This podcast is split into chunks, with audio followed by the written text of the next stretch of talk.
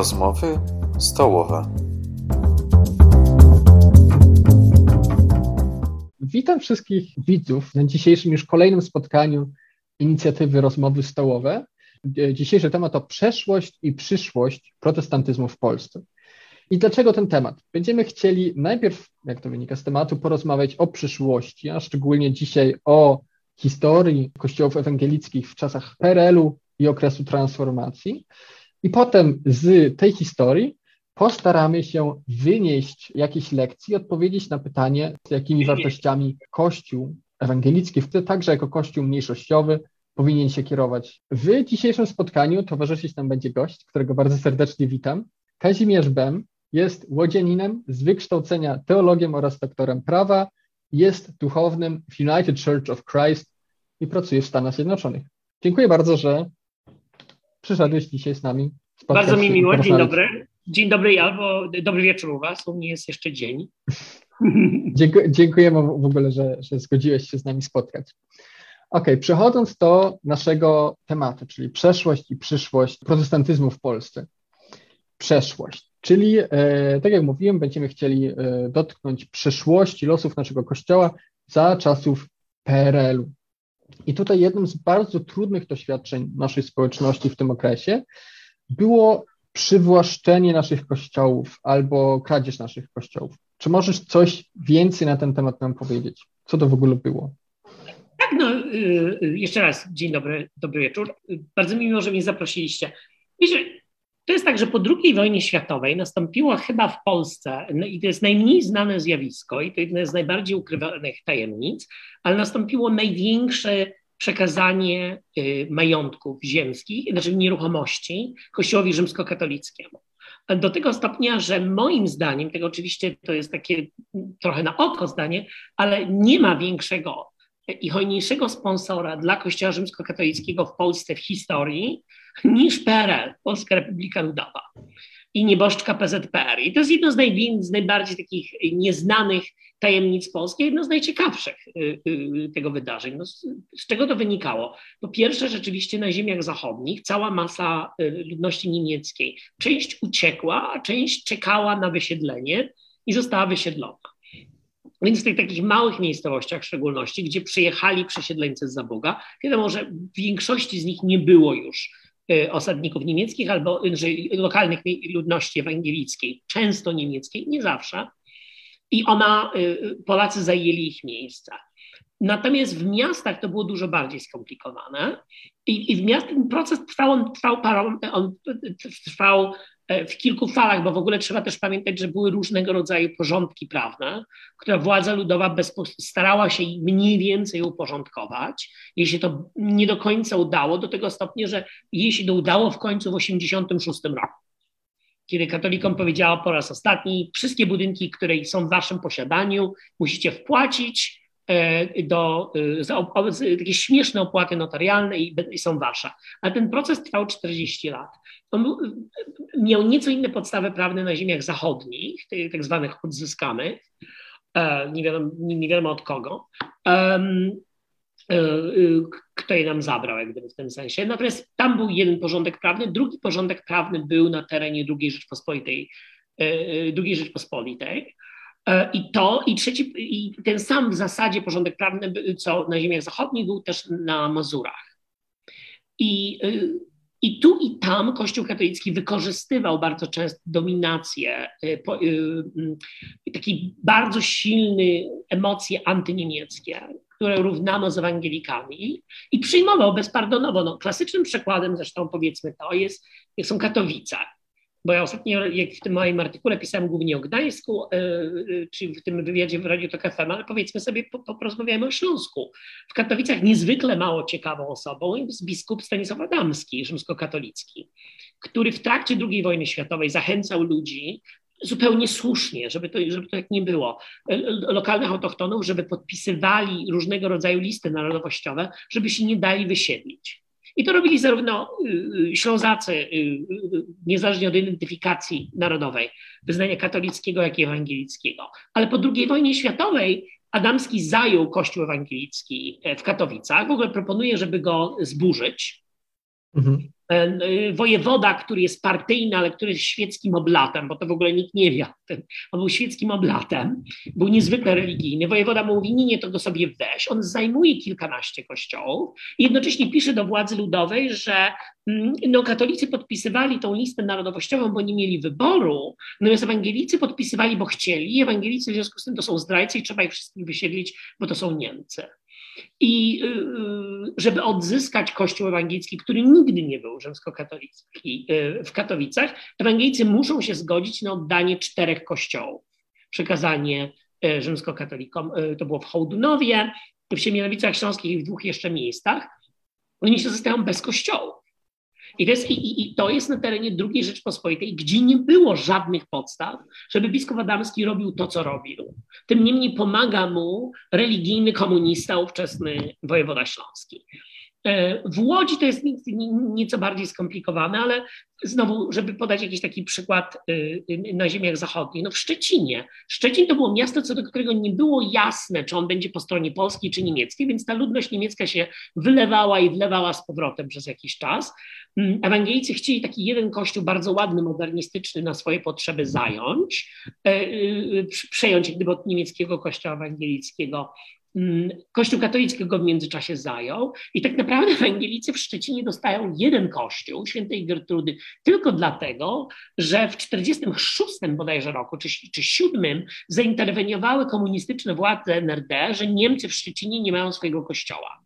Więc dostali taki kościół na takim zupełnym obrzeżach miasta, które katolicy też chcieli, no ale musieli ustąpić. No i dzięki temu ewangelicy w Szczecinie dzisiaj mają jeden kościół bo wszystko inne zostało przejęte przez katolików.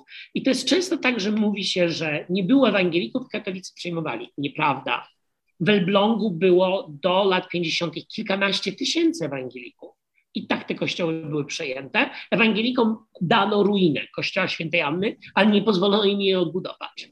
Mhm. I te procesy, one trwają w zasadzie, one potem się trochę uspokoiły w latach 60., E, no bo przejęli to, co mogli. I potem kolejny wysyp jest w latach 70. i on jest szczególnie duży na Mazurach, ale też na tym takim pograniczu polsko-niemieckim na Śląsku, gdzie ta świadomość narodowościowa nie była do końca wykształcona.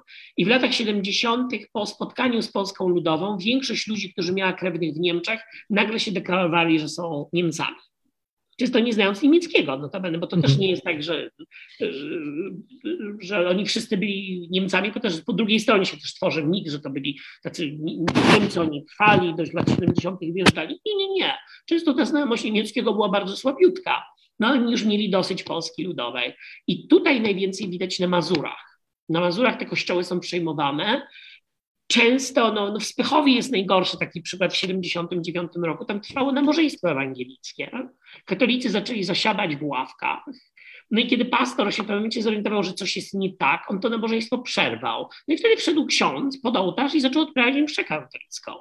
Więc ewangelicy wyszli z kościoła, ich nabożeństwo zostało przerwane, ksiądz przejął kościół, wymienił kłódki. Um, do tego stopnia to w latach 70. i 80. tam są inne przykłady, są w Ukcie i jest naprawdę kilka takich bardzo mało ciekawych przykładów. Do tego stopnia to y, y, budziło oburzenie, że zainterweniowało, o ile ja pamiętam, z tego co czytałem, to była ambasada Szwe Królestwa Szwecji, dwór szwedzki zainterweniował i dwór norweski. No i wtedy arcybiskup, y, późniejszy prymas Glem, który był arcybiskupem olsztyńskim, o ile pamiętam, nie pamiętam jak się ta decyzja wtedy nazywała, no on się wtedy zgodził, że oni będą wypłacać czynsz, niektóre kościoły odkupią, natomiast z tym wypłacaniem czynszu też nie było, oni się byli notorycznie spóźnieni, jak niektórzy z Was pamiętacie, była ogromna inflacja, więc sprawia, że ten czynsz się robił zupełnie idiotyczny. Ale tak naprawdę na Mazurach tam im często pomagała milicja obywatelska, na przykład w w Działdowie wymuszono na ewangelikach, ten kościół, gdzie od dawno napisano niedawno Bóg jest gejem, jest wielkie oburzenie, to jest były kościół ewangelicki, tam ich było już tak mało, że wymuszono na nich, y, na ewangelikach przekazanie kościoła Radzie Miejskiej. Rada Miejska to miała zamienić salę koncertową czy bibliotekę, to nie do końca wyszło i potem przekazała katolikom. E, więc i, i ten proces trwał i ostatnie taka, i to jest bym powiedział najbardziej szokująca to jest właśnie w 1986 roku, bo sytuacja kościołów przejętych ewangelickich przez Kościół rzymskokatolicki na terenie II Rzeczpospolitej, tak jak wspomniałem, nie było żadnych podstaw prawnych. Tym niemniej oni byli w posiadaniu tych własności. W 1986 roku, kiedy y, generał Jaruzelski dogaduje się z prymasem Glempem, no, który już ma doświadczenia w przejmowaniu kościołów ewangelickich, e, e, on się z nim dogaduje, jest taka ustawa uchwalona, że kościoły katolickie mogą po prostu zgłosić się do Rady Miejskiej, jeżeli są właścicielami i są posiadaczami, tam nie było tytułu prawnego, chodziło o posiadanie, o ile ja pamiętam przez ostatnich 10 lat, to nabywają własność, um, je, szczególnie jeżeli, jeżeli w księgach parafialnych nie był wpisany Kościół Ewangelicko-Augsburski w RP, czy Kościół Ewangelicko-Reformowany, tylko były poprzednie, czyli na przykład ten Kościół unijny w Poznaniu, czy Kościół y, unijny na, y, na Górnym Śląsku. I oni wtedy to nabywali za friko. Mhm. I te... I to na przykład w Poznaniu praktycznie wszystkie kościoły ewangelickie przyjęto formalnie prawnie w 1986 roku. I, i, I potem jak gdyby jest największe takie zdumienie, że w 1989 roku, tylko nikt nie, nie, nie podliczył, ile od tych majątków przejęto, tam ktoś wyliczył, że półtora tysiąca. Mi się wydaje, że tam jest dużo więcej tych nieruchomości. E, mi się wydaje, że budynków sakralnych samych jest kilka tysięcy, które mhm. oni przejęli. E, I po drugie, nagle się po 1989 dowiadujemy, że to jest Kościół był poszkodowany przez komunizm finansowo i kolejne władze i solidarnościowe i lewicowe mówią tak, tak, tak, tak, tak, tak, trzeba was rekompensować. I pamiętacie, mamy ten taki potworek prawny, taką tą komisję majątkową, gdzie Kościół katolicki Ostatni przykład podam, bo żeby pokazać, jaki to był chory system stworzono. Kościół świętej Elżbiety we Wrocławiu był kościołem ewangelickim. Od czasów reformacji y, jego ewangelicki pastor wygrał od biskupa w karty ten kościół, według legendy. Ten kościół w 1945 roku przejęli rzymskokatolicy. E, pomimo tego, że nie było tytułu prawnego, przejęli ten kościół, ok, był ogromny pożar w latach 80. Polska zaczęła go odbudowywać i proszę pamiętać, że potem e, parafia świętej Elżbiety, rzymskokatolicka, wystąpiła o zwrot nieruchomości E, które władze y, y, komunistyczne przejęły od dawnej parafii ewangelickiej świętej Elżbiety, mimo że ona nie była żadnym sukcesorem prawnym. Jak Państwo pamiętacie, te nieruchomości oni y, dostali i potem sprzedał je arcybiskup Gulbinowicz, e, no niesławnej pamięci, obecnemu premierowi Morawieckiemu. Mhm. Ale żebyśmy zrozumieli, parafia, która ukradła Kościół, wystąpiła o, o rekompensatę w formie ziemi, nie swojej, od parafii, którą, ziemi, która była parafią, którą ona sama okradła, żeby powiedzieć, że parafia świętej Elżbiety okradła parafię ewangelicką świętej Elżbiety, państwo im dało tą, tą ziemię, no i następnie potem kolejne osoby się obłowiły. I, bo, bo to pięknie pokazuje tą, tą patologię, nie tylko przejmowania po II wojnie światowej, bo w niektóre te kościoły dobrze, że przeszły w ręce mm -hmm. w tych małych miejscowościach, ale pokazuje tą trwałą patologię, która trwała za czasów PRL, no i potem ją władza y, solidarnościowa, która na widok kościoła rzymskokatolickiego dostawała, nie wiem, chyba budyniu w głowie, nie była w stanie tego przerwać. Ale to trwało i to trwało i o tym mm -hmm. trzeba mówić, o tym nikt nie mówi. Jeszcze mm -hmm. raz powiem, władze PRL były najhojniejszym sponsorem i mecenasem Kościoła Rzymskokatolickiego w polskiej historii. Piastowie odpadają, odpadają Jagiellonowie. Mhm. Trochę na nasz koszt, niestety. E, jakby dziękuję za tę bardzo obszerną e, za to bardzo obszerne rozwinięcie tematu losów naszych kościołów ewangelickich w Polsce. Tutaj chciałbym tylko wspomnieć, bo wspomniałeś o swoim artykule wyborczej i wywiadzie. Właśnie to też jakby było dla nas inspiracją, żeby w ogóle Ciebie zaprosić. Mniej więcej, nie wiem, miesiąc temu, tak? Coś tak, jakoś tak było. Muszę, moment, muszę zobaczyć, tak, było tak, ale 5 maja, tak, no prawda. Tak, no czyli, czyli jakby mniej więcej miesiąc temu właśnie Ty napisałeś e, tekst mm. w kasecie wyborczej, no mniej więcej o, e, o przyjmowaniu kościołów i jakby potem miałeś też wywiad w TOK FM-ie, też bardzo polecamy zarówno artykuł, jak i wywiad. Jeszcze chciałbym powiedzieć, e, zanim przejdziemy do kolejnego tematu, oczywiście jest możliwość zadawania pytań, do czego bardzo zachęcam. E, zostawcie je w komentarzu, jeśli jakieś macie, a pytanie zadamy po, pod koniec spotkania. Więc śmiało piszcie swoje pytania w komentarzu, a my je zadamy potem naszemu gościowi.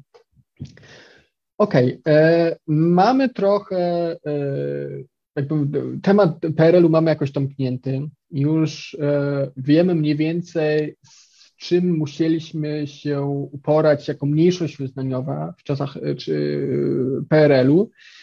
I teraz pytanie, szukając teraz jeszcze jakichś innych nauk, jakichś innych wzorów tego, jak Kościół powinien funkcjonować dzisiaj, E, myślę, że możemy spojrzeć na okres transformacji, bo w tym okresie transformacji kościoły ewangelickie, zwłaszcza kościół reformowany, kościół luterański, aż tak ochoczo na niektóre tematy nie, nie, nie podnosił głosu, ale kościoły ewangelickie starały się pokazać przynajmniej w, w tym okresie, że można być jakąś alternatywą wobec kościoła katolickiego, bo słyszymy to nie tylko E, ze strony obozu rządzącego, ale ostatnio nawet Adam Michnik że jeśli się nie mylę, w jednym wywiadzie też dla Gazety Wyborczej powiedział, że nie ma e, systemu moralnego w Polsce poza Kościołem tak, katolickim. Tak, tak, I tutaj kościoły ewangelickie e, w tym czasie przełomu starały się jakoś pokazać, że tak nie musi być, że istnieją systemy moralne albo systemy patrzenia na państwo chrześcijańskie, które różni się mocno od tego,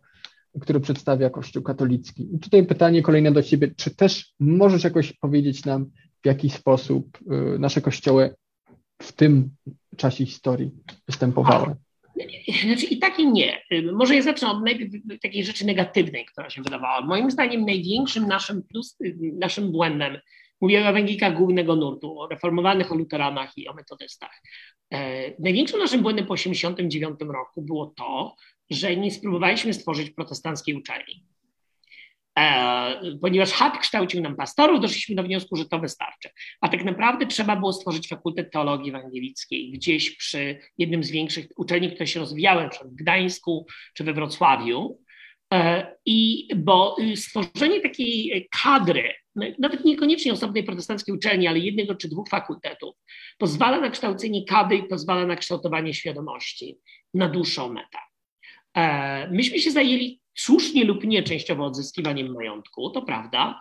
No i Kościół rzeczywiście, te kościoły starały się początkowo, Kościół luterański, tu muszę powiedzieć, bo rzeczywiście Kościół luterański był nieco bardziej powściągliwy, a on operował w nieco innej sytuacji, bo proszę pamiętać, że on widząc to zespolenie Solidarności, szczególnie na Mazurach z Kościołem, Kościół luterański zachował początkowo pewnego rodzaju wstrzemięźliwość i i ja mu się nie dziwię, bo to jak się okazało, Solidarność nie była w stanie się przeciwstawić Kościołowi e, katolickiemu. E, więc Kościół luterański starał się gdyby załatwić sprawy, które dla niego były najważniejsze, które zapewniłyby mu taki byt, bo Kościół też wchodził w bardzo nieciekawej sytuacji, wszystkie kościoły. Kościoły reformowane, no wiecie, my mamy reformowani, mamy taki zwyczaj, że my lubimy się stawiać władzy, od z każdej, najlepiej reformowanej władzy, no ale jak jest niereformowana, to jeszcze lepiej. I rzeczywiście na początku, kiedy, jak pamiętacie, była ta dyskusja, co zrobić z aborcją, z, z, z, legalnością aborcji. Pamiętajcie, że mało osób pamięta w tej chwili, że była ogromna y, y, liczba, zebrano prawie ponad półtora miliona e, podpisów, żeby przeprowadzić referendum. No i wtedy władze solidarnościowe powiedziały, że nad sprawami moralnymi się nie głosuje, że przypadkowe społeczeństwo, pamiętacie, to była pani Nowina Konopczyna, że przypadkowe społeczeństwo nie będzie decydowało, więc zadecydowali bardzo nieprzypadkowi posłowie i episkopat. I y, kiedy była dyskusja y, y, w tej sprawie, nasz Kościół który był mały, ale on jeszcze tak działał trochę siłą przedwojennego rozpędu wydał takie bardzo mądre stanowisko, że ustawa nie powinna zastępować sumienia i że rolą państwa nie jest egzekwowanie nakazów religijnych poszczególnych wyznań. I jeżeli ktoś jest wierzącym katolikiem, nie dokona zabiegu y, usunięcia ciąży, y, natomiast kościoły powinny oddziaływać na swoich wiernych za pomocą przykładu i nauczania, a nie za pomocą ustawy. No wiecie Państwo, Polacy lubią celebry, Polacy lubią mówię. Polacy mówią, że coś lubią, znaczy, że mówią. No i tak było. No i mamy tą ustawę, prawda, która jest jednym z największych gniotów fundamentalistycznych, jakich sobie można wyobrazić w, obecnej Europie. Potem było to orzeczenie Trybunału Konstytucyjnego, gdzie się dowiedzieliśmy, że tylko Polska i Malta były demokratycznym państwem prawa. To profesor Zoll taką perełkę nam stworzył, że demokratyczne państwo prawa musi chronić życie poczęte, zbyt zupełnie nieznane polskiej konstytucji. I, to było pierwsze. Druga pochodziło z religią, wprowadzeniem religii do szkół. To wprowadzono znowu, nie wiem, czy Państwo pamiętacie, nie za pomocą stawy, nie za pomocą konsultacji społecznych, tylko Tadeusz Mazowiecki, świętej pamięci, którego ja bardzo lubię i cenię, zadzwonił do świętej pamięci profesora Samsonowicza, który wtedy był ministrem edukacji, no i doszli do wniosku, że Kościół naciska, żeby przywrócić religię w szkole. No i to wprowadzono rozporządzeniem ministerialne. E, I żeby nie było, tego, to rozporządzenie mógł każdy rząd Platformy, SLD zmienić. Żaden się nie odważył. No i w związku z tym mamy taką sytuację i ta sytuacja się pogarszała za każdym razem, z każdym kolejnym rządem. Mm, I pamiętam, że kiedy była pierwszy raz zakwestionowano to rozporządzenie w Trybunale Konstytucyjnym, y, to nasz Kościół, o ile ja pamiętam, tam poproszono biskupa Trandem, mogę się mylić, i on też wyraził takie zaniepokojenie, że osoby z innych kościołów będą źle, y, będą dyskryminowani. I Trybunał je przytoczył. W tym orzeczeniu ono, ja pamiętam, w tym orzeczeniu ono jest przytoczone, no i ponieważ nie ma jak się do tego odnieść merytorycznie, no to po prostu je przytoczył i sobie poszedł dalej. No, natomiast potem pamiętam, jak profesor Col w którymś wywiadzie mówił, że jego syn posyła, obecny pan profesor Federek Col, jego syn posyła dzieci na religię i na etykę, no i to przecież to jest coś tak wspaniałego, że jest religia i etyka i to taki no, no, no zupełne bzdety, które opowiadał, a, a, w tej chwili mamy taką sytuację, że y, religia jest spisywana i widać jaka religia jest spisywana na świadectwie.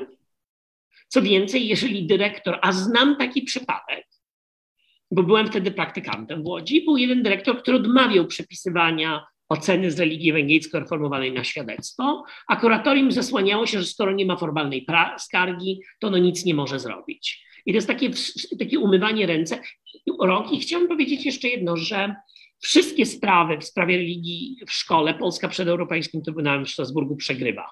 Przegrywa od lat, przegrywa z kretesem. Nigdy się nie zdarzyło, żeby interpretacja Europejskiej Konwencji Praw Człowieka przez polski Trybunał, jak on jeszcze istniał, e, konstytucyjny, nie to co to jest teraz, e, było podtrzymane. Ale to się skończyło. No widzicie Państwo, bo to jest tak, że kościoły próbowały na początku prezentować tę postawę, ale one są zupełnie, jeżeli są postponowane przez Trybunał, jeżeli są postponowane przez, przez rząd, no nie wspomnę już nic o rządzie Hanny Suchockiej, no bo to jest no, koszmar, um, i no, po jakimś czasie to się wypaliło. To się wypaliło, nastąpiła też zmiana generacyjna, no i pod wpływem takiego, takiego przemożnego kościoła katolickiego, no to wygląda tak, że luterańscy superintendenci stali się biskupami, nawet im takie kolorowe, zaczęły się takie fajne, no, takie kolorowe, żeby się odróżniali, rozumiem, w tym stadzie tych czarnych tuk. No, nasi biskupi reformowani, nasz superintendent reformowany też się nagle stał biskupem, nie wiedzieć czemu. I, i ta taka odrębność nasza się wypaliła przynajmniej z mojej perspektywy, ona trochę ostatnio, troszkę się ostatnio pojawiła i dobrze, ale był taki trend, żeby się nie wychylać, żeby się nie odróżniać. I y, no, pamiętam, że nasz kościół dostał strasznie po głowie, nie tylko od katolików, tak to eufemistycznie powiem, kiedy ordynowaliśmy pierwszą kobietę na pastorkę biskup katolicki powiedział, że to, to jest koniec dialogu ekumenicznego, o dziwo słońce wzeszło na drugi dzień, zaszło, nic się nie stało. E, tym niemniej jest taka tendencja i ona jest bardzo zła. A dlaczego? Bo kościoły mniejszościowe mają inne spojrzenie na stosunek państwa do kościoła.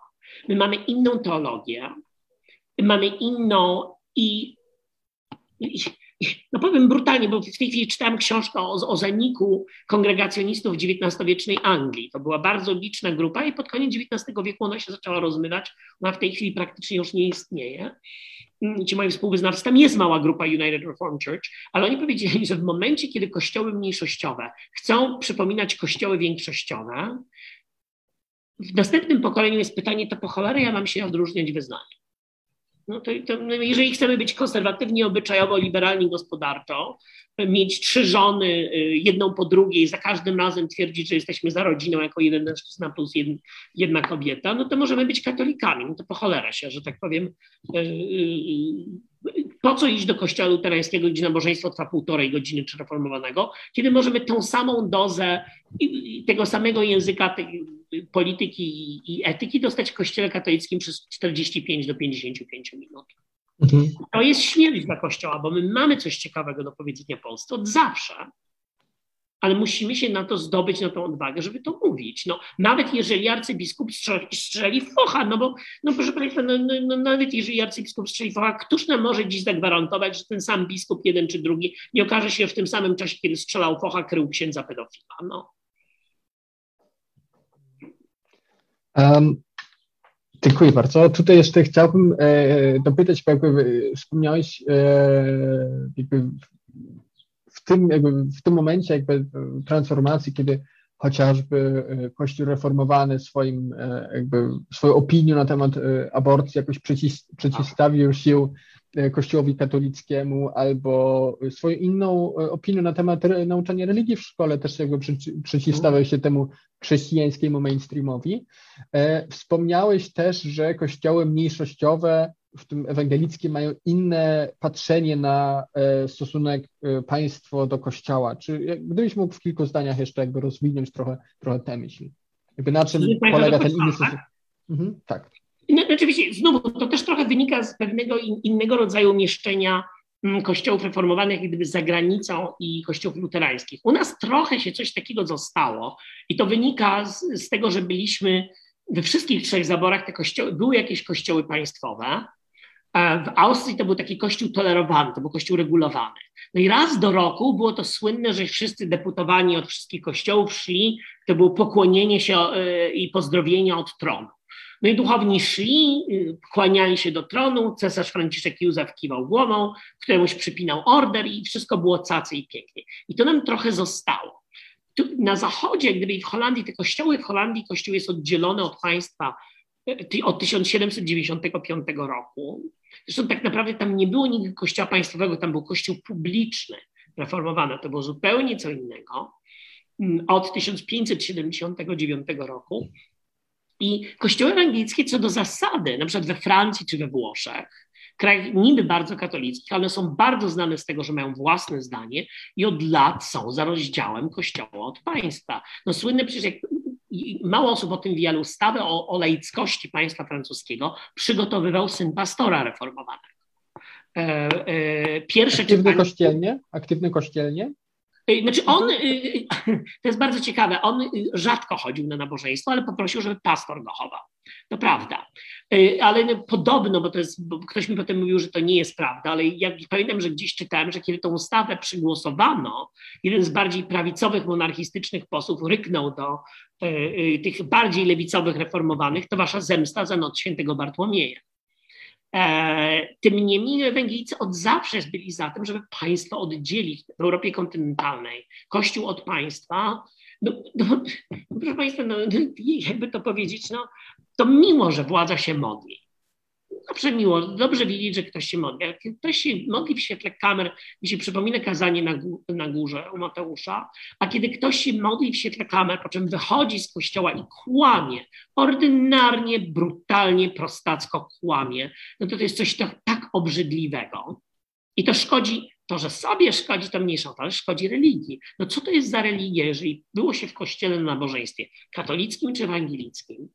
I, ta, i, i, i i to nabożeństwo, ten czas spędzony z Bogiem nie wpłynął na przemianę serca i przemianę życia. No to w takim razie jest pytanie, co robił pastor, czy co robił ksiądz? Czego on słuchał, po co tam był i po co się fotografuje, jak wychodzi z kościoła. Więc te kościoły w Polsce, Kościół reformowany zawsze był ze świeckością od czasu II wojny światowej, ze świeckością państwa. Kościół y, luterański w II Rzeczpospolitej tam był problem, bo pamiętacie, tam było kilka kościołów, kilka było unijnych Niektóre były połączone dawnymi takimi więzami z, z, z Niemcami, szczególnie Kościół unijny w Poznaniu, i im trudniej szło takie oddzielenie się. Tym niemniej, um, tym niemniej ja bym powiedział, że od XX wieku, od połowy XX wieku, no na pewno wszystkie kościoły są za rozdziałem kościoła od państwa. No, no w Polsce to, to zupełnie nie wychodzi. No, jest, mamy w konstytucji jest zapisany konkordat, jest ratyfikowany, ale umów, które miało państwo podpisać z kościołami, nie podpisano, bo to był zupełny pic. Tych umów ja państwu gwarantuję, nikt nigdy z nimi nie podpisze. Bo te, te umowy do konstytucji były wpisane po to, żeby nikt nie mógł za, za, za, zarzucić, że Kościół katolicki jest faworyzowany. No i jest, no i wiemy. I to jest taki listek figowy. Okej. Okay. Dziękuję bardzo za, za, e, za tę odpowiedź, więc e, pora przejść do e, trzeciej części naszego spotkania. Zanim przejdziemy, jeszcze raz przypomnę, że można pod naszą transmisją zadawać w komentarzu pytania, dlaczego bardzo zachęcam. Już niebawem weźmiemy się za te pytania i będziemy starali się na nie odpowiadać. A teraz przechodząc do naszej e, trzeciej części spotkania, małe podsumowanie może najpierw. W pierwszej części mówiliśmy o tym, że jako mniejszość wyznaniowa zdarzało nam się dostawać no, po wiadomo czym i jakby wiemy, jak to jest być tą słabą, słabszą stroną w społeczeństwie. E, w okresie transformacji usłyszeliśmy, że e, nasze kościoły jakoś tam starały, tak jak mogły, e, odróżniać się od Kościoła katolickiego, odróżniać się od takiego większościowego głosu chrześcijańskiego w Polsce i głosić swoją narrację, swoje y, swój stosunek do różnych spraw, czyli wiemy, że potrafimy jako kościoły mniejszościowe coś takiego zrobić. I teraz moje pytanie do Ciebie, z tych jakby dwóch historii, z tych dwóch narracji, jakie lekcje możemy wyciągnąć na dzisiaj, jakie inspiracje i jak jako Kościół mniejszościowy po takich doświadczeniach, jaką rolę powinniśmy pełnić dzisiaj w polskim społeczeństwie? No, no, kościoły muszą sobie same odpowiedzieć. No, jak gdyby ja to widzę po, po moim kościele, gdzie on po 2003 roku on tak opadł y, intelektualnie, y, bo władze, nasze władze postanowiły, że się nie wychylać. No, widzimy w naszym kościele, jak to wygląda. Ale Kościół luterański gdyby odbył częściowo taką nieco lepszą transformację, bo zaczął bardziej wyraźnie się odcinać. No ale wiecie Państwo, no oczywiście są pytania teologiczne, są różnice teologiczne czy nie, no ale powiem tak, no, jak ja bym miał chodzić osobiście, to może nie, może ja to zostawię na później. Um, musimy sobie zadać pytanie, po co my tu jesteśmy?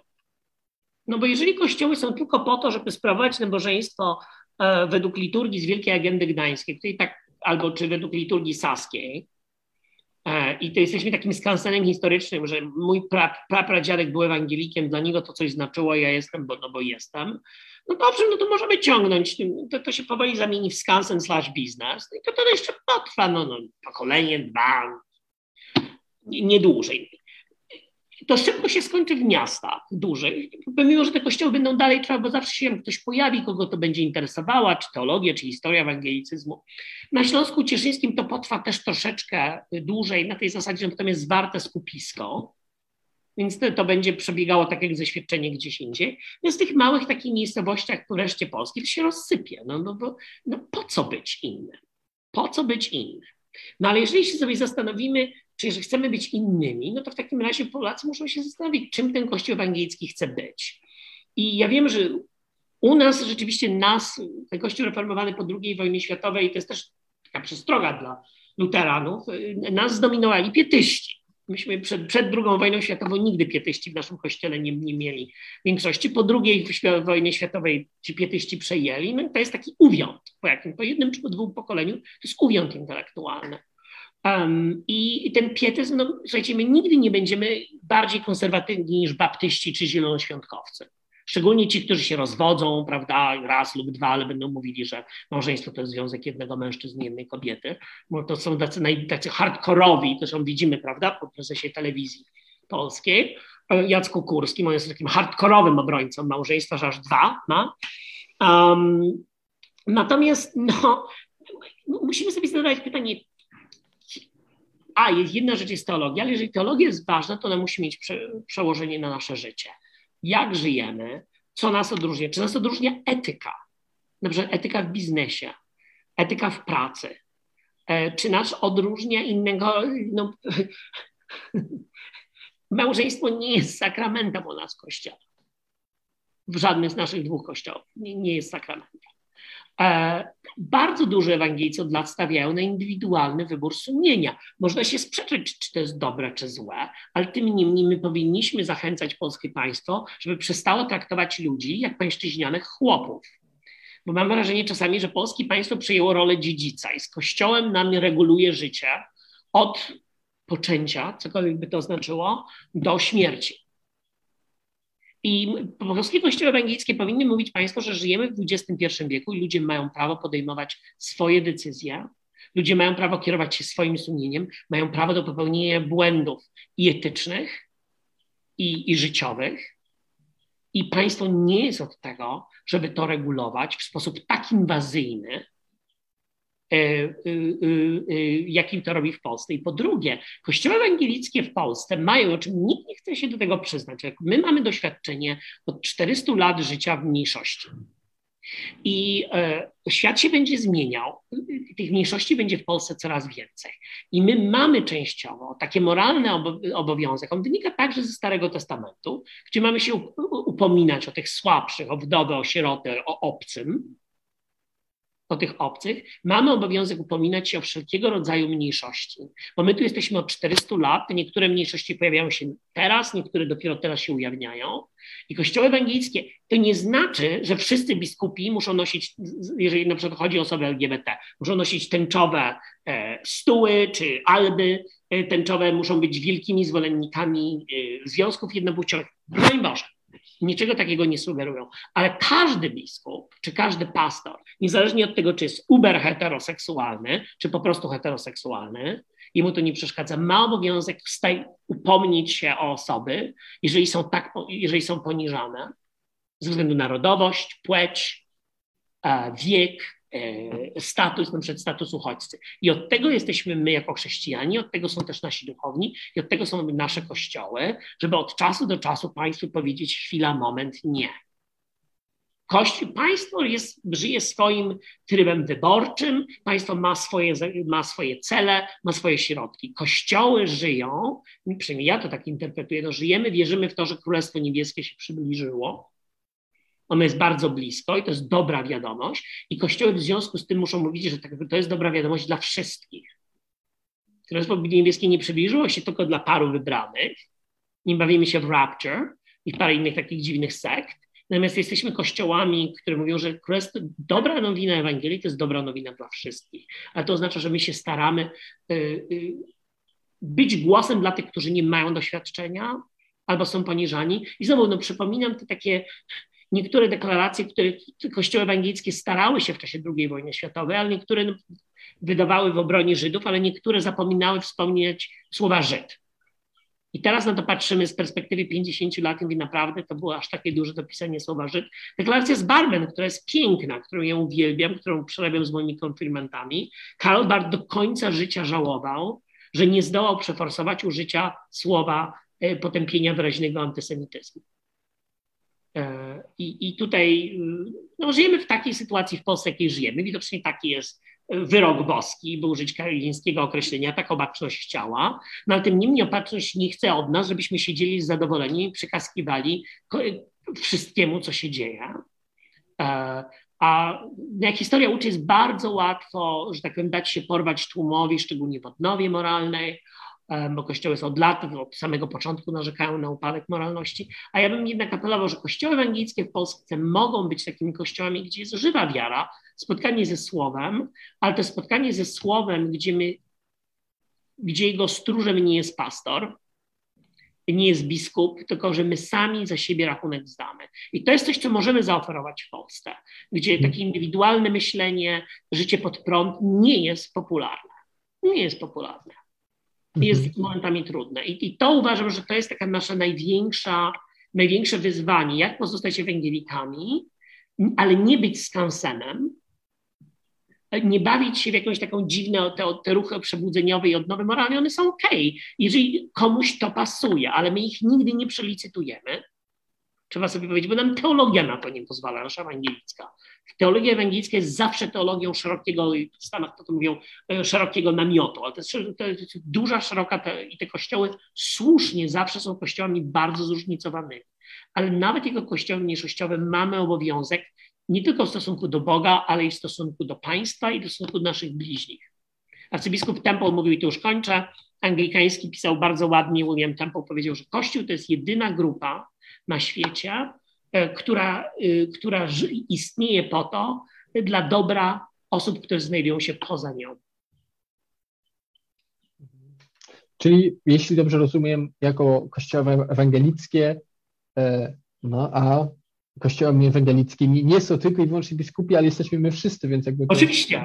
To rozumiem jako wezwanie także do nas, jakby oglądających, e, do członków kościołów ewangelickich, nie bać się iść pod prąd i zawsze tak. bronić słabszego. Tak, i tak? tylko dlatego, że jedno wyznanie główne uważa, to jest mój ulubiony przykład, uważa, że Pan Bóg no nie mógł, uwielbiam ten argument, nie wiem, kto go wymyślił po raz pierwszy, Pan Bóg, no, no, nie mogą wyświęcać kobiet, no bo Pan Bóg powołał tylko mężczyzn. No to trzeba, to kościoły ewangelickie po pierwsze nie powinny się bawić w tego typu bzdety, e, natomiast powinny powiedzieć, no tak, no ale nie powołał też żadnych Słowian. Y, więc powołał samych Żydów. No jeżeli się tak bawimy, no to księdzem czy biskupem może być tylko i wyłącznie Żyd. Mm, więc, więc zachowajmy tu nasz taki ewangelicki zdrowy rozsądek i, i, takie podejście, że Pan Bóg przyszedł po to, żeby nam zabrać grzechy, a nie odebrać rozum.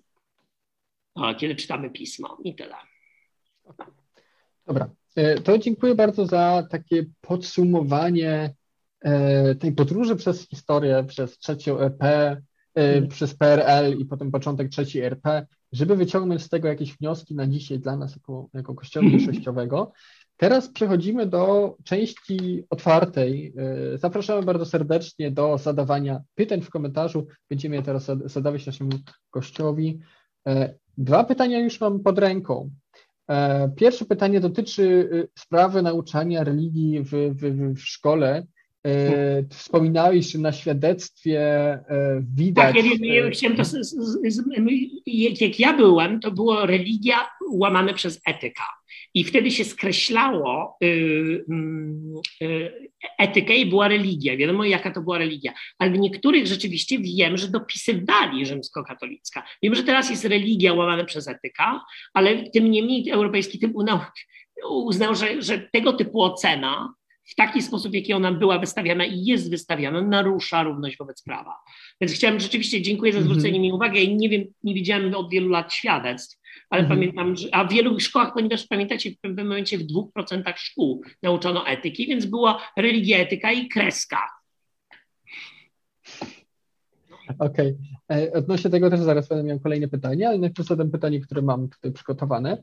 Um, obecnie w mojej szkole jest wpisywana tylko religia na świadectwie, tak? Czyli rozumiem tutaj, że bez tam dopisku katolicka i tak dalej. Z kolei ja nie mogę jako nauczyciel e, religii ewangelickiej, wystawić oceny z religii ewangelickiej właśnie, bo w tak zwanym e-dzienniku mają tylko jedną rubrykę dla religii i ocena z mojej religii wpisywana jest przez odpowiedzialnego nauczyciela, to jest katechety katolickiego. I czy to jest w porządku? Znaczy, no tutaj dwie rzeczy. Ja uważam, że w ogóle nie powinno być oceny z religii na świadectwie. Jeżeli rzeczywiście ocena na świadectwie wydrukowanym jest ocena z religii, to nie jest w porządku, bo to znaczy, że ktoś ma ocenę z etyki, czyli od razu wiadomo, że ktoś jest z jakiejś religii. Ja uważam, że w ogóle tej oceny nie powinno być. Więc to, że nie jesteś w stanie napisać religia ewangelicka, specjalnie Twoich praw nie narusza. Narusza natomiast moim zdaniem prawo, jeżeli rzeczywiście jest, że Ty musisz przedkładać swoje oceny i te oceny wpisuje katecheta rzymskokatolicki. To jest, nie, to jest niezgodne z prawem. Katecheta rzymskokatolicki, podobnie jak ewangelicki, powinni się zajmować swoimi dziećmi, które naucza. Tym niemniej ja uważam, że, że jeżeli jest religia, to jest takie dużo lepiej. Ale moim zdaniem powinno być religia łamane przez etyka, skoro już musi coś być. Ale żeby nie było wiadomo, czy to jest religia, czy to jest etyka. A tak szczerze między nami uważam, że nie powinno być ani jednego, ani drugiego, natomiast powinno być religioznawstwo którego nie powinni uczyć duchowni jakichkolwiek wyznania. To jest moje osobiste. Natomiast to, że mhm. ty nie jesteś w stanie sam wstawić swoich ocen do dziennika, to jest niezgodne z prawem, moim zdaniem. Natomiast to, że nie, nie jesteś w stanie dopisać ewangelicka, trudno, to nie jest najważniejszy problem.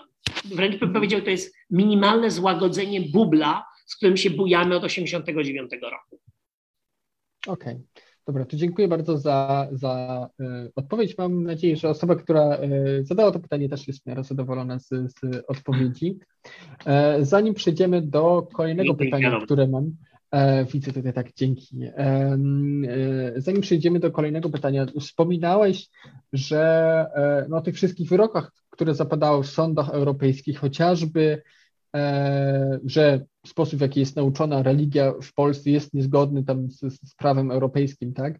Tak, I jakby chciałem to tylko dopytać.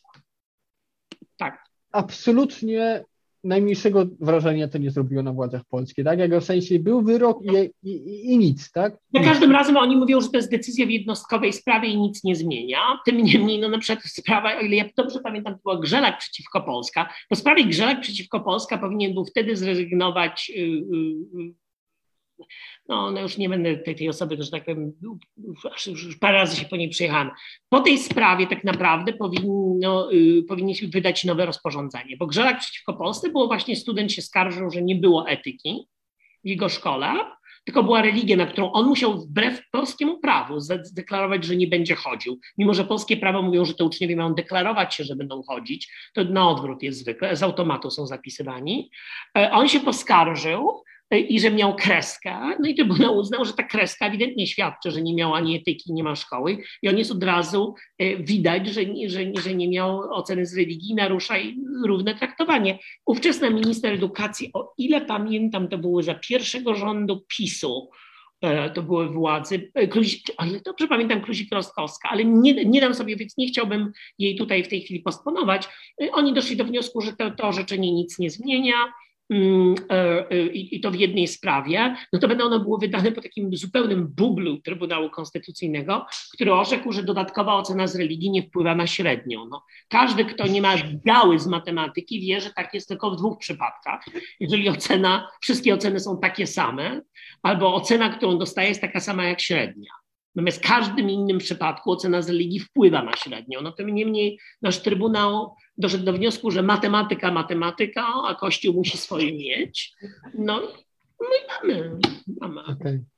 Dobra, dziękuję bardzo. E, tutaj właśnie ch chciałem też, jakby to sobie zapisałem, żeby dopowiedzieć, właśnie to jest moim zdaniem też bardzo ciekawa rzecz. Ja byłem zszokowany, kiedy o tym na studiach w ogóle się dowiedziałem właśnie, że na lekcje religii trzeba się zapisywać. I tyczy się to także uczniów z kościoła katolickiego. Czyli to nie powinno być tak. Ja, ja przez całe życie w każdej szkole się wypisywałem zajęty ligi. Tak, to zupełnie niezgodne z prawem. Przy, przy, przychodziłem ze świstkiem do wychowawcy czy tam wychowawczyni z prośbą o wypisanie, a tak naprawdę uczni, wszyscy uczniowie, e, także religii katolickiej, powinni przynosić świstek do wychowawcy, że życzą sobie, e, żeby takie zajęcia były przeprowadzone. Więc jakby warto wiedzieć, zwłaszcza jeśli ma się na przykład dziecko w szkole albo samemu się wciąż w szkole, że nie trzeba się z zajęć religii wypisywać. To jest bardzo fajne, e, e, dobrze wiedzieć. Okay. Dobra, mam tutaj pytanie od pana Krzysztofa, też bardzo fajne i poniekąd trochę z nim się zgadzam. E, to nie jest tak, że kościoły ewangelickie często, w nawiasie poza paroma tweetami, bo tak ostatecznie wygląda, e, nie potrafią wyjść poza formułkę historii. To znaczy byliśmy, był Rej, Piłsudskiemu się zdarzyło, no i jeszcze paru innych. Mamy e, wiele starych ksiąg, popatrzcie, poczytajcie i już. No tak, oczywiście. No i to jest jak gdyby nasz kościół, mój jak gdyby reformowany w Polsce, tak właśnie, że mamy wspaniałą historię, bo taki mit, tak, taki, taki mit o tych dobrych perfumach, których się używa troszkę, żeby nie wywietrzały. No ale jeśli Państwo, kiedyś te dobre perfumy to się kończą. E, oczywiście, no to mimo, że był Rej, e, mimo, ale na przykład kto wie, że jednym e, z twórców plakatu Konstytucja, ten taki, no, no, chciałem dzisiaj go założyć, ja już nie chciałem was denerwować, Konstytucja jest ewangelik. Projektantem był ewangelik. Naprawdę mamy parę takich ciekawych rzeczy, które mm, na przykład cała masa ewangelików brała udział w ruchu socjalistycznym dzieci pastorskich. To jest notabene pod tym względem polski protestantyzm przypominał protestantyzm na Zachodzie, gdzie pod koniec XVIII wieku bardzo często dzieci pastorskie dochodziły do wniosku, że Kościół to jest taka wiesz, ociężała maszyna i żeby coś zmienić, trzeba zostać socjalistą. Nawet mamy takiego jednego, który został komunistą, to coś strasznego, ale o tym i na innym wywiadzie, nie wspominajmy. Ale na przykład Kościół była cała masa sufrażystek, które były. Jeden z pierwszych sufrażystów w Polsce była córka księdza Dila E, e, superintendenta reformowanego. Także to oczywiście, że to wychodzimy poza historię, dlatego ja pamiętam w latach 90. było, że Kościół przyszłości to jest Kościół diakonii. Ja mówię, no nie, Kościół przyszłości to jest Kościół misji. Ale żeby ta misja była, to to musimy być czymś bardziej niż katalogiem z wystawy historycznej. To super, te wystawy z okazji 500-lecia reformacji były super, ale nie zapraszamy ludzi do, być, do życia w muzeum czy w skansenie, ale zapraszamy do tego, żeby mieli żywą wiarę w Jezusa Chrystusa, tak jak najlepiej są w stanie ją y, rozumieją i tak jak ona się mieści w tych takich naszych ramach, y, tych kościołów ewangelickich. I, i, I, więc oczywiście tu ma Pan zupełną rację, że my, jest takie kolejne, fajne są jubileusze parafii, bo my mieliśmy 350-lecie, fajne są jubileusze parafii, ale na przykład u mnie w parafii na 350-lecie powołaliśmy, mieliśmy bardzo dużą kolektę i powołaliśmy taki fundusz, z którego jeżeli jakiś mój parafianin jest zaangażowany w organizację społeczną, może wystąpić i dostanie dofinansowanie dla tej swojej organizacji, bo my chcemy coś dać przyszłości. Chcemy być, nie tylko patrzymy, pamiętamy o przeszłości, ale żyjemy też teraźniejszością, myślimy o przeszłości. Dobrze, fajnie by było, gdyby z okazji 500-lecia reformacji, ja wiem, że już that ship has sailed, ale z 500-lecia reformacji kościoły się złożyły i powiedziały, zafundujemy kościołom woltaikę, żeby na przyszłość, na przykład, żeby kościoły, które często mają super dachy, były w stanie na przykład podłączyć i być wzorami do energii odnawialnej. Dlaczego nie mamy ruchu w tych naszych parafiach ewangelickich, żeby zachęcać parafie, żeby miały zero emisji? Żeby te ogrody to nie były tylko pięknie przystrzeżone trawniki, ale na przykład, żeby były takie ogrody, które wymagają mniejszego podlewania. Dlaczego nasze parafie, parafie nie proponują, że parafianie, którzy kupią sobie, nie wiem, tą taką beczkę do deszczówki, kościoły dopłacą 50 zł, czy coś takiego. To by było fajne, żeby pokazać, że nasza wiara ma coś wspólnego z życiem, e, z życiem, które jest odpowiedzialne nie tylko teraz, ale i dla przyszłych pokoleń. Mhm, dobra.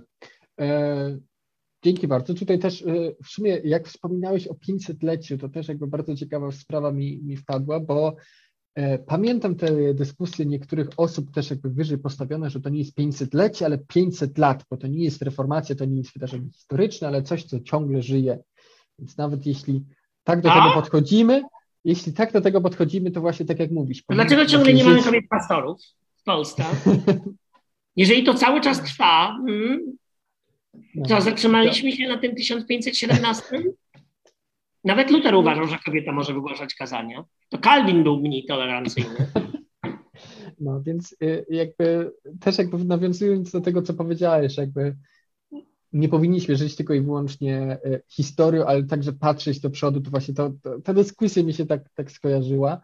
I e, mówiąc o tej trosce o środowisko też kilka lat temu, nie pamiętam dokładnie w którym roku, e, Kościół luterański w Polsce ustanowił dany rok, nie pamiętam, który to był, rok troski, e, rok, e, e, rokiem troski o środowisko.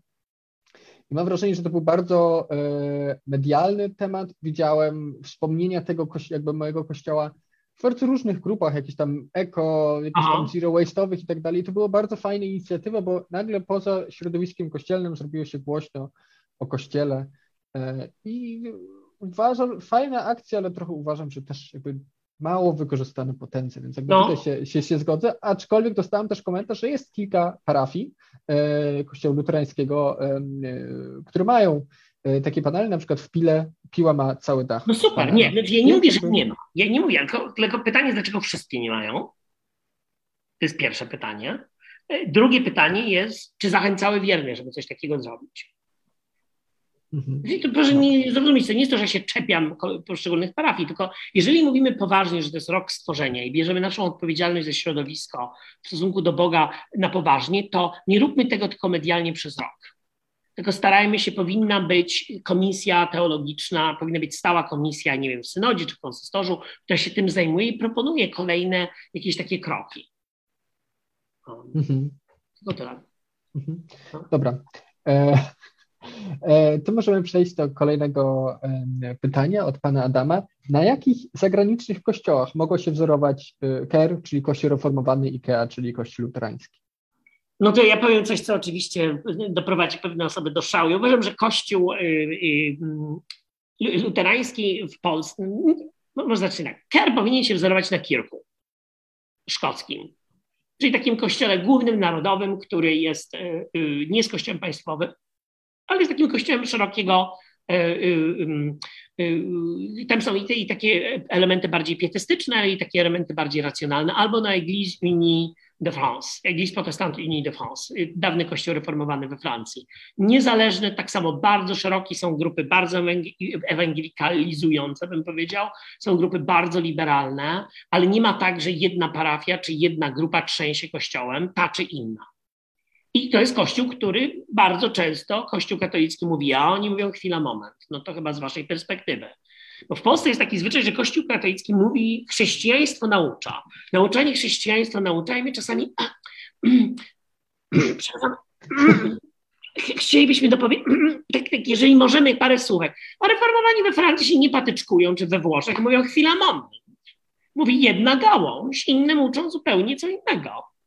I to bez żadnego przepraszania. Kościół luterański hmm. i Kościół Szwecji. To jest Kościół Szwecji, a paradoksalnie nie dlatego, że tam jest nadmiar, bo ja wiem, że w Polsce Kościół Szwecji to jest taki bet noir, prawda? Czyli, że każdy mężczyzna w tym kościele to jest na pewno gej, każda kobieta pastorka to jest lesbijka e, i wszyscy, nie, nikt z nich nie wierzy w Boga i w ogóle są kryptomuzulmanie nie, nie wiem, to, to jakieś takie bzdety się w tych mediach pojawiają, często z prawicowych katolickich forów. Tym niemniej to jest kościół, który przeżył bardzo ciekawą transformację z kościoła państwowego do kościoła, który nie jest kościołem państwowym i do kościoła, który z tego, co ja obserwuję, jest bardzo zaangażowany lokalnie i parafialnie, ale także w sprawy społeczne. I to jest kościół, który poszukuje swojego miejsca w XXI wieku cały czas bardzo pluralistycznym, bardzo zeświadczonym społeczeństwie, które, proszę Państwa, nas czeka. Które wszystkie kościoły, jeżeli uważamy, że zeświadczenie Kościoła katolickiego naszych kościołów ewangelickich nie będzie dotyczyło, to gratuluję optymizmu. Gratuluję optymizmu. Proponuję, żeby każdy duchowny sobie poszedł do domu i wypisał, ilu z jego konfirmantów w ostatnich 10 latach regularnie uczęszcza, przy czym regularnie przyjmijmy raz na miesiąc, do kościoła jaką on ma procent tych konfirmantów i zrobi się bardzo ciekawie. Mhm. Dzięki bardzo za odpowiedź. E, zanim zadam, mam jeszcze jedno pytanie, zanim e, ja zadam, przypomnę jeszcze, że e, jeśli ktoś z Was ma jakiekolwiek pytania, śmiało możecie zadawać je na czacie i zadamy te pytania. I teraz przechodzę do kolejnego od pana Huberta. Na ile zdaniem pastora obecne prawo wewnętrzne albo praktyka jego stosowania ewangelickich kościołów w Polsce pomaga, a na ile przeszkadza ich rozwojowi? Chodzi mi innymi o kwestię misji czy zakładania nowych parafii. Wydaje się to być e, wyłączną kompetencją kościelnej góry. W kościołach wolne te procesy wyglądają inaczej. To nie jest kwestia prawa, bo jeżeli Kościół jest nastawiony, yy, znaczy to jest kwestia prawa, jeżeli prawo nie pozwala w ogóle nic robić. Natomiast jeżeli Kościół, wiecie, to, że nowe, tworzenie nowej parafii o tym decyduje góra, to nie ma w tym nic złego, jeżeli góra jest nastawiona na to, żeby tworzyć nowe parafie albo nie przeszkadzać. Natomiast, y, więc jeżeli na przykład, ja do dzisiaj nikt nie jest w stanie wytłumaczyć, dlaczego w Rzeszowie nie ma parafii ewangelickiej. Przecież tam są ewangelicy. Przecież oni też nie potrzebują pastora jak kaniacz dżu, nie jest im potrzebny, że mogą się skupić razem i sobie zaproponować, że raz na miesiąc będzie przyjeżdżał pastor, oni będą świeccy, będą prowadzili, ja wiem, że tu niektórych luteranów troszeczkę przed pandemią dostawali palpitacji, reformowanych mniej, y, mogą prowadzić nabożeństwo i raz na miesiąc przyjedzie pastor. Tym niemniej trzeba też powiedzieć, pamiętać, że mamy coś, o czym też mało kto wspominał, obydwa kościoły, mamy, y, zbliża nam się kryzys demograficzny w ilości powołań. I tym niemniej prawo wewnętrzne ono nie przeszkadza, jeżeli Kościół ma takie y, podejście misyjne. Jeżeli wierni są w stanie się. Nie, w Białymstoku jest wspaniała sytuacja, gdzie wierni sami się zorganizowali, wskrzesili parafię. I władze przecież Kościoła Luterańskiego powołały tą nową parafię. Tak samo może być w każdych innych miastach. I ja rozumiem, że władza w tej chwili woli wysłać duchownych, szczególnie młodych, do parafii, które są, dużych parafii, które wymagają obsadzenia. Tym niemniej, znaczy ja uważam, że jeżeli ktoś jest młody lub młoda, bo liczę, że kiedyś zrezygnujemy z tego świętego fiutka, um, wymaganego, żeby być duchownym. Jeżeli ktoś jest młody i młoda i mają energię i chcą tworzyć nową parafię, no to niech jadą niech w czasie studiów, niech grupują jakąś taką małą grupkę i starają się zakładać w jakimś takim mieście. Ale też nasze kościoły to jest coś, coś czeka, że będziemy musieli się uniezależnić od tych takich duchownych, że wszędzie zawsze musi być smętny pan w czarnej todze, w dwóch bewkach, rozkrojonych lub zszytych razem, w zależności od preferencji, bo Także prawo wewnętrzne ono może przeszkadzać i moim zdaniem ono w Polsce teraz, jaki jest, jedno i drugie, ono nie przeszkadza. Przeszkadza to, że my cały czas y, uważamy, że Kościół to jest miejsce, gdzie jest budynek. Najlepiej z wieżą i z ładnym ołtarzem. Mhm. Dobra. E, nie dostałem e, już e, żadnych pytań obecnie. Mamy godzinę 20, czyli łącznie równo godzinę rozmawialiśmy na temat naszego kościoła, naszych kościołów. Chociaż w głębi serduszka traktuję. A, jest pytanie, dobra. To czekam, aż tutaj jeszcze, jeszcze nie będę kończył. Proszę to pytanie. No, I bardzo dziękuję e, Sebastianowi za wsparcie techniczne. Czekam, aż mi wyśle pytanie.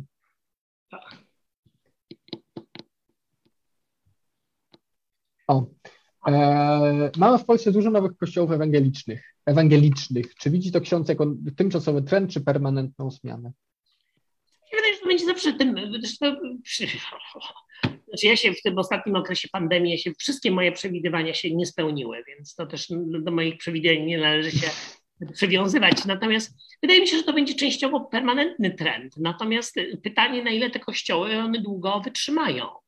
No bo nawet tu w Stanach my obserwujemy, że to są kościoły jednego lub dwóch powołań jednego lub dwóch pokoleń. Zmienia się pastor, przychodzi nowy pastor, te kościoły się rozpadają.